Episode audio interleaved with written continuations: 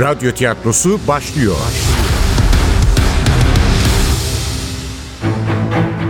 Kayıp Tanrılar Ülkesi 35. Bölüm.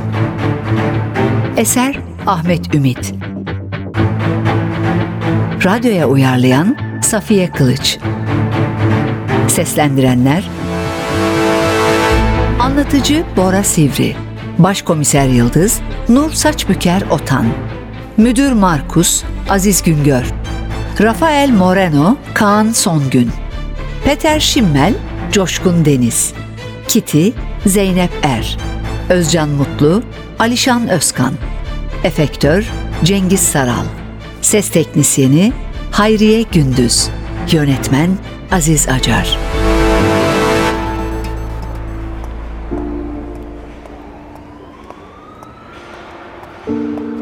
Sabah başlayan yağmur öğleye doğru dinmiş, biçimsiz gri bulutlar sanki gizli bir el tarafından sürüklenmiş gibi bir anda kayboluvermişti gökyüzünden. Yıldız hastaneden çıkıp işgal evinin önüne geldiğinde yeniden sıcak bir yaz günü hüküm sürüyordu Berlin'in yaşlı sokaklarında. Tobias'ı hala uyutuyorlardı. Çok kan kaybetmişti. Eğer ambulans biraz daha geç kalsa ölmesi işten bile değildi. Ameliyat başarılı geçmişti ancak kritik saatler vardı önünde.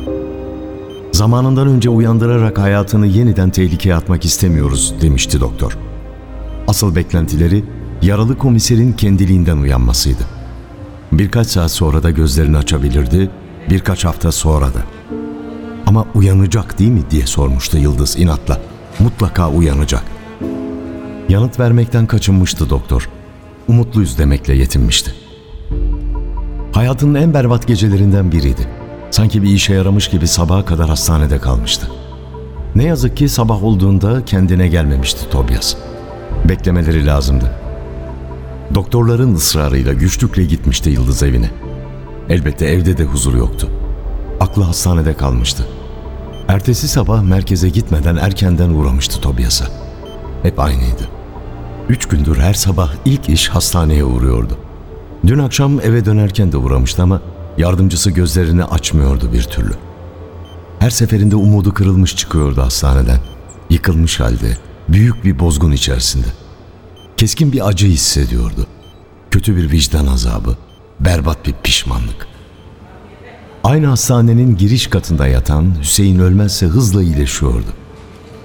İkisi kendi arkadaşı beş kişinin ölümüne neden olan bir baskın gerçekleştirmiş ama Rudolf'tan yediği feci daya saymazsak bu kanlı çatışmadan sadece köprücük kemiği kırılarak kurtulmuştu.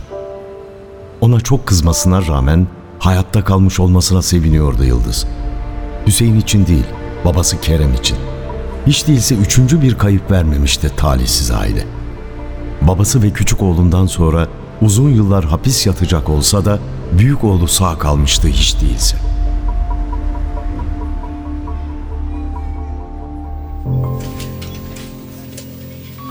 Germanya baskınının üzerinden üç gün geçmiş olmasına rağmen yeni bir vakada yoktu.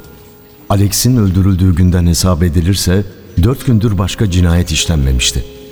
Bu durum müdür Markus'u oldukça rahatlatmıştı. Bence olayı çözdük. Cinayetlerin sorumlusu Rudolf Winkelmann ve çetesiydi.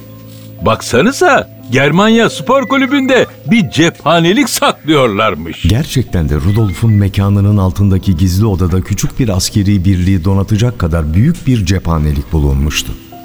Tuhaf olan mühimmatın hepsinin İkinci Dünya Savaşı sırasında ABD askerlerinin kullandığı silahlardan ve patlayıcılardan oluşmasıydı. Çok geçmeden işin sırrı çözüldü.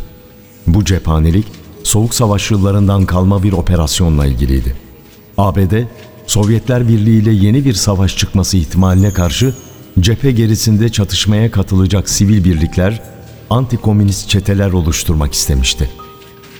Stay Behind denilen bu operasyonda Naziler kullanılmıştı. Gizli depoda bulunan silahlar o günlerden kalmaydı. Yıldız'ın çatışma alanında gördüğü modası geçmiş tüfek de onlardan biriydi işte. Rudolf'un yaşı o kadar geriye uzanmayacağına göre demek ki bu mühimmat eski davadaşlarından miras kalmıştı ona. Daha da önemlisi aralarında Hüseyin Ölmez ve Cemal Ölmez'in de bulunduğu 500 kişilik bir liste bulunmuştu. İsmi geçen şahısların ev ve iş adreslerinin yazılı olduğu bu listede sadece göçmen kökenliler değil, solcular, Yeşiller Partisi üyeleri ve ırkçılık karşıtı olan Almanlar da yer alıyordu. 2012 yılının Nisan ayında Neukölln'de meçhul bir cinayete kurban giden Burak isimli Türk kökenli bir gençle arabası yakılan sol partili bir ilçe yöneticisi de onların arasındaydı. Listede Neukölln'de öldürülen gençle arabası yakılan sol partili yöneticinin Cemal'in ve Hüseyin'in üzerleri siyah kalemle çizilmişti. Bu bulguların ışığında cinayetleri neonazilerin işlediğinden emin olan Markus bir basın toplantısı düzenleyerek vakanın çözüldüğünü kamuoyuna ilan etmişti bile. Belli ki Winkelmann'ın başını çektiği bu ırkçı çete daha korkunç ve sansasyonel eylemler için hazırlanıyormuş. Mitolojiyle süslü bu cinayetler basının ilgisini çekecek, ardından toplumu şoka uğratacak kitle katliamları gelecekti. Bulduğumuz mühimmat da bu eylemlerde kullanılacaktı. Böylece yabancı kökenli Alman vatandaşları ve hükümet korkutulurken yükselmekte olan ırkçılığa cesaret verilecekti. Hiç kimse itiraz etmedi bu açıklamaya. Çünkü son derece mantıklıydı. Naziler daha önce yapmışlardı, yine yapabilirlerdi. Yıldız başından beri neo-nazileri suçlamasına karşın artık bu ihtimalin gerçekliğinden o kadar emin değildi. Bu nedenle basın toplantısının yapılmasına karşı çıkmıştı. Ama erken zaferini ilan etmek isteyen Markus kulak asmamıştı itirazlarına. Yıldız katılmadı basın toplantısına. Müdür hata yapıyor olabilirdi. Birkaç gün sonra söylediklerini yalanlamak zorunda kalabilirlerdi.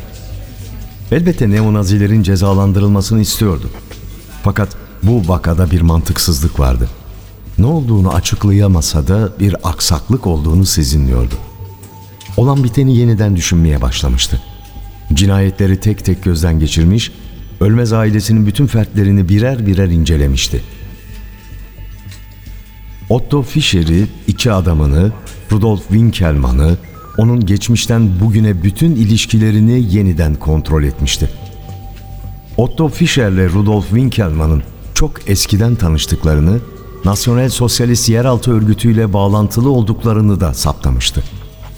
Evet, cinayetler kolayca neonazi çetesine bağlanabilirdi. Ancak kanlı cinayetler zincirini her incelediğinde neonazilerin varlığı bu süreçte biraz sakil kalıyordu.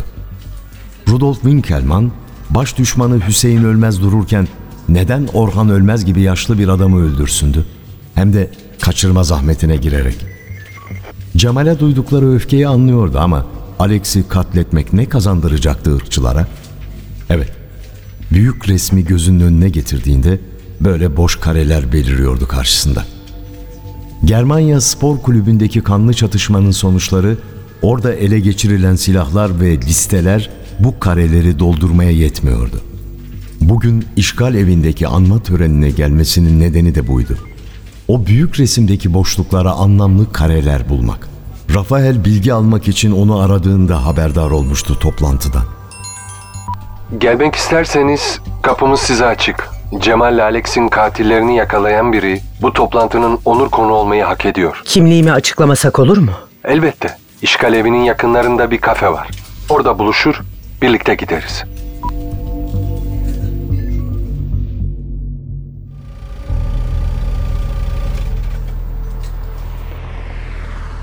Şimdi o kafeye gidiyordu işte.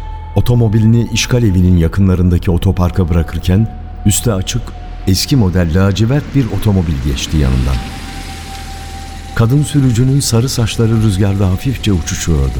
Aracını Yıldız'ın arabasının biraz önüne park etti kadın. Arabadan inerken kaburgasında yine o sızıyı hissetti ama aldırmadı. Bakışları hala otomobilin sürücüsündeydi. Güzel bir kadındı. Üstelik tanıdık geliyordu. Nerede görmüştü acaba? Sarışın kadın arabadan indi, siyahlar içindeydi. Güneş gözlüklerini düzeltirken tanıdı Yıldız. Bu Kitty'ydi. Peter'in eski sevgilisi. Cemal Ölmez'in Pergamon gezisi sırasında çektiği videoda gördükleri heykeltıraş. Ağırdan aldı. Kitty'nin yaklaşmasını bekledi. Yanından geçerken seslendi. Merhaba. Merhaba Bayan Kitty. E, Kusura bakmayın, soy isminizi bilmiyorum. Daha önce karşılaştık mı? Yok, karşılaşmadık. Ama sizi tanıyorum. Cemal'in yakın arkadaşısınız, öyle değil mi? Cemal. Çok iyi bir insandı. Çok da yetenekliydi. Üzgünüm, gerçekten çok üzgünüm. Ya Alex'e ne demeli? Siz de törene geldiniz galiba. Kitty ile karşılaştığına memnun olmuştu Yıldız. Arkeolog Haluk da onunla konuşun dememiş miydi? Fakat ne soracaktı? Konuşmaya nasıl başlayacaktı? İşte onu bilemiyordu. Peter de geliyor mu? Yani haberi var mı törenden? Bilmiyorum ki. Gelir herhalde. Cemal'i çok severdi. İyi bir patron, iyi bir arkadaş. Daha da önemlisi iyi bir mentor. Sadece işte değil, Cemal'in sanatsal çalışmalarında da ona yol gösterirdi. Cemal'in projesinden haberdarsınızdır. Hani şu Pergamon altarı ile ilgili olan. Heykellerdeki karakterlerin yüzlerine ailesinin suretlerini vermekten bahsediyorum. Heykelleri kendi aile bireyleri olarak yeniden tasarlamasından. Evet, evet biliyorum müthiş bir proje. Ama biraz tuhaf. Ben de aynı şeyi söylemiştim. Tuhaf demiştim, hatta biraz ürkütücü. İkisi de dinlemedi. Hatta Peter inatla savunmuştu projeyi. Cemal demek istiyorsunuz sanırım. Çünkü proje onun. Hayır, Cemal'in değil, bu projenin fikir babası Peter'di. Hiç şaşırmayın, evet. Peter bir sanatçı değildi ama ablası Angela müthiş bir ressamdı. Bir dahiydi. Peter de onunla birlikte büyüdü. Ve Cemal'e mitolojiyle ilgilenmesini söyleyen de oydu. Ailem Pergamon kazılarının başından beri bu işin içinde. Bu çok kıymetli bir ayrıcalık. Yüz yıllık bir deneyim bu. Olağanüstü bir serüven. Neden bunu sanatında kullanmıyorsun? Aynen böyle dedi Peter. Kulaklarımla duydum çünkü yanlarındaydım. Ailesine kırgın olan Cemal başlarda pek sıcak bakmadı bu işe. Peter peşini bırakmadı. Pergamon altarı ile ilgili kitaplar buldu ona. Saatlerce Yunan mitolojisini anlattı. Anlattı mı? Demek Peter o kadar iyi biliyordu mitolojiyi. Tabii. Çocukluğu Pergamon altarıyla iç içe geçmiş. Pergamon Müzesi Doğu Berlin'deyken annesi orada görevliymiş. Hani müzeyi gezerken gördüğümüz ciddi yüzlü görevliler var ya, iskemlelerinde sessizce oturup sizi gözlerler. İşte onlardan biri. Bütün o kabartmalarda hangi tanrılar, hangi tanrıçalar, hangi titanlar, hangi devler yer alıyor, Herakles'in o devlerin arasında ne işi var hepsini ezbere anlatırdı. Sıradan bir arkeologdan çok daha fazlasını bilirdi. Peter'le konuşmalarını hatırladı Yıldız. Arkeoloji sizin de ilginizi çekiyor mu? Sıradan insanlar kadar. Kitty ise bambaşka bir şey anlatıyordu. Göz ucuyla kadını süzdü. Son derece doğal görünüyordu. Üstelik yalan söylemesi için bir neden yoktu. Peki o zaman Peter neden arkeolojiyle ilgilenmediğini söylemişti? Neden Zeus altarı hakkında bilgi sahibi olduğunu gizlemişti? Heyecanını bastırarak sordu. Peki babası ne iş yapıyormuş Peter'in? O da mı müzede çalışıyormuş? Yok. Aslında iki babası varmış. Biyolojik babası Rusmuş.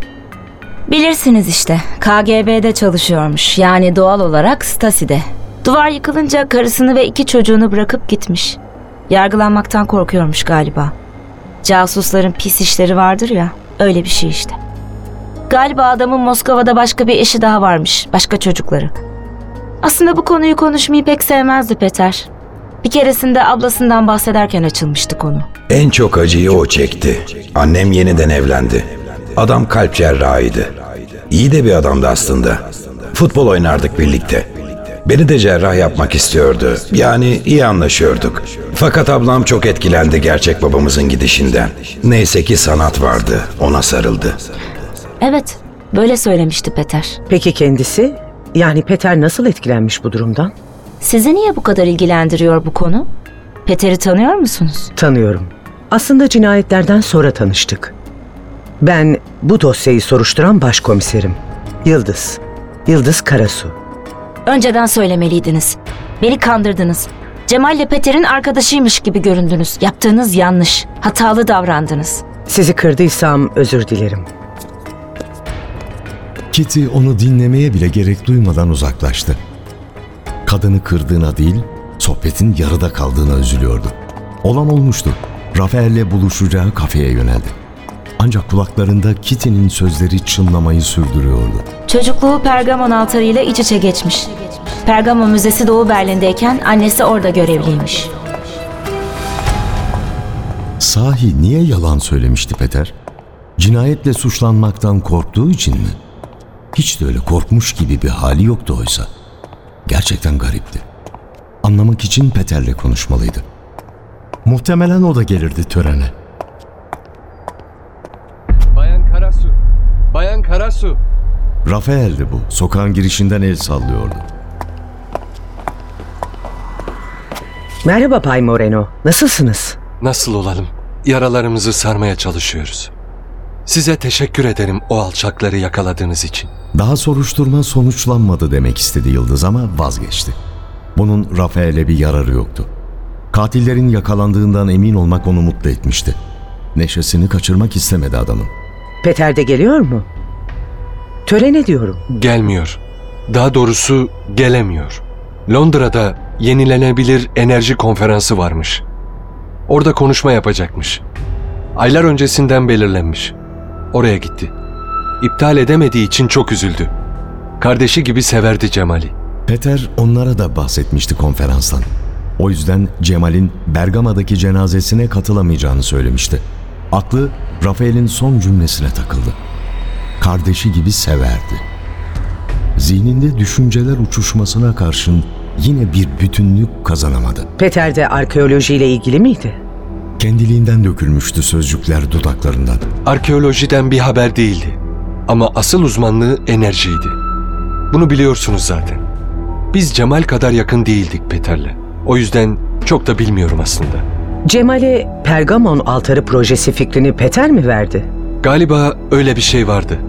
Çok net hatırlamıyorum. Sanırım Cemal böyle bir konudan bahsetti bana. Peter'in ne kadar vizyonu geniş bir adam olduğunu anlatıyordu. Evet evet. Pergamon altarındaki heykellerin resmini kişiselleştirerek çizmek fikrini Peter vermişti ona. Hatta bu yüzden Alex'le kavga bile etmişlerdi. Kıskanıyordu Alex. Cemal'in patronunu. Her zamanki hezeyanları. Ne yalan söyleyeyim, ben de pek hoşlanmazdım Alex'ten. Fakat kimse böyle bir ölümü hak etmiyor tabii. En son ben görmüş olmalıyım zavallıyı. Buraya, işgal evine gelmişti öldüğü akşam. Alex o gece buraya mı gelmişti? Öldürüldüğü akşam. Evet, koridordaki barışçıl İsa resminin düzeltmelerini yapıyordu. Telaşla içeri girdiğini gördüm. Ben iskelenin üzerindeydim. Merhaba Alex diye seslendim. Selamımı el işaretiyle aldı. Acelesi vardı. Cemal'le ortak kullandıkları odaya girdi. Bir süre kaldı. Çok değil. 10 dakika kadar falan. Sonra çıktı. Hoşça kal bile demeden iskelenin altından geçip gitti. Daha sonra o gece öldürüldüğünü okudum gazetelerden. Meğerse ölümüne gidiyormuş zavallı öyle apar topar. O akşamı gözünün önüne getirmeye çalıştı Yıldız. Alex Leipzig'te istasyondan aramıştı. Cemal'in telesekreterine bir mesaj bıraktığını söylemişti. Teknik bir sıkıntı varmış, mesajı dinleyemiyormuş. Eve dönünce mesajı dinleyip sizi arayacağım demişti. Fakat aramamıştı. Onu aramak yerine Cemal'le ortak kullandıkları şu odaya gelmişti demek. Şu oda, Alex'in o gece girdiği. Ne vardı orada? Ee, şey... Çok önemli Bay Moreno. Lütfen benden bilgi saklamayın. Zula gibi kullanıyorlardı. Anlarsınız işte. Yasaklı madde saklıyorlardı. Gecenin bir yarısı Leipzig'ten gelen Alex, bir parça esrar almak için zulalarını sakladığı odaya gelir miydi? Bağımlıysa gelirdi. Niye gelmesin? Cemal'in telesekretere bıraktığı mesaj olmasaydı böyle düşünebilirdi Yıldız. Ama o mesaj Alex'in sizi arayacağım deyip aramaması başka ihtimalleri getiriyordu akla. Şu odaya bir göz atabilir miyim? Cemallerin odaya mı? Niye? Soruşturma için gerekli. Hatta şart. Çok zor Karasu Hanım. İşgal evine, üstelik öldürülmüş iki arkadaşımın odasına polisi sokamam. Burada yaşayan insanların bana sonsuz güveni var. Bu güveni kötüye kullanamam. Lütfen Rafael. Orada esrar, kokain aramıyorum. Buradaki insanlara zarar vermek gibi bir amacım da yok. Sana söz. Ne bulursam bulayım, işgal evindekilerin aleyhine kullanmayacağım. Tek amacım Cemal'in katilini ya da katillerini bulmak. Katilleri bulmadınız mı? Neonaziler suçlu değil mi yoksa? Bulduğumuzu sanıyoruz fakat bazı kuşkularım var. Emin olmak istiyorum. Odada göreceklerim belki de kuşkularımı ortadan kaldıracak. Lütfen Rafael, Cemal için bunu yapmalısın. Odaya girmem lazım. Tamam. Tamam ama ben de sizinle birlikte geleyim. İşgal evinin grafitilerle kaplı duvarlarına Cemal ile Alex'in dev resimleri asılmıştı. Hoparlörden hüzünlü bir müzik yükseliyordu. Bahçedeki kalabalık an be an çoğalıyordu. Aslında hiç yabancı değildi Yıldız bu mekanlara. Polis olmak istediğini söylediğinde babası karşı çıkınca isyan ederek evden ayrılmış, bir süre Kreuzberg'deki işgal evlerinden birinde kalmıştı. Tuhaf bir durumdu. Ailesine baş kaldırmıştı ancak bu baş kaldırının nedeni anne babasının polis olmasını istememesiydi. O yüzden işgal evinde kimseye ailesiyle neden çatıştığını anlatmamıştı. Çünkü hepsi onu eleştirecekti. Zaten bir ay sonra da ayrılmıştık komün halinde yaşanan o mekanlar. İşgal evinin bahçesine girmeden önce hatırlamıştı o günleri. Rafael'le birlikte daldı kalabalığın arasına. Bir yandan yürüyor, bir yandan da az önce konuştuğu Kitty'yi arıyordu. Çünkü Rafael dışında polis olduğunu bilen tek kişi oydu. Sonunda gördü. Kalabalığın arasında bir güneş gibi ışıldıyordu Kitty. Onun görüş mesafesine girmemeye çalışırken birine çarptı. Özür dilerim, istemeden oldu. Önemli değil Bayan Karasu.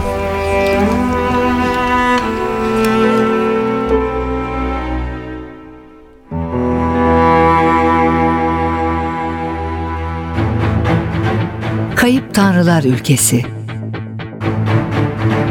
Eser Ahmet Ümit. Radyoya uyarlayan Safiye Kılıç. Seslendirenler Anlatıcı Bora Sivri. Başkomiser Yıldız Nur Saçbüker Otan. Müdür Markus Aziz Güngör. Rafael Moreno Kaan Songün. Peter Schimmel Coşkun Deniz. Kitty Zeynep Er Özcan Mutlu Alişan Özkan Efektör Cengiz Saral Ses Teknisyeni Hayriye Gündüz Yönetmen Aziz Acar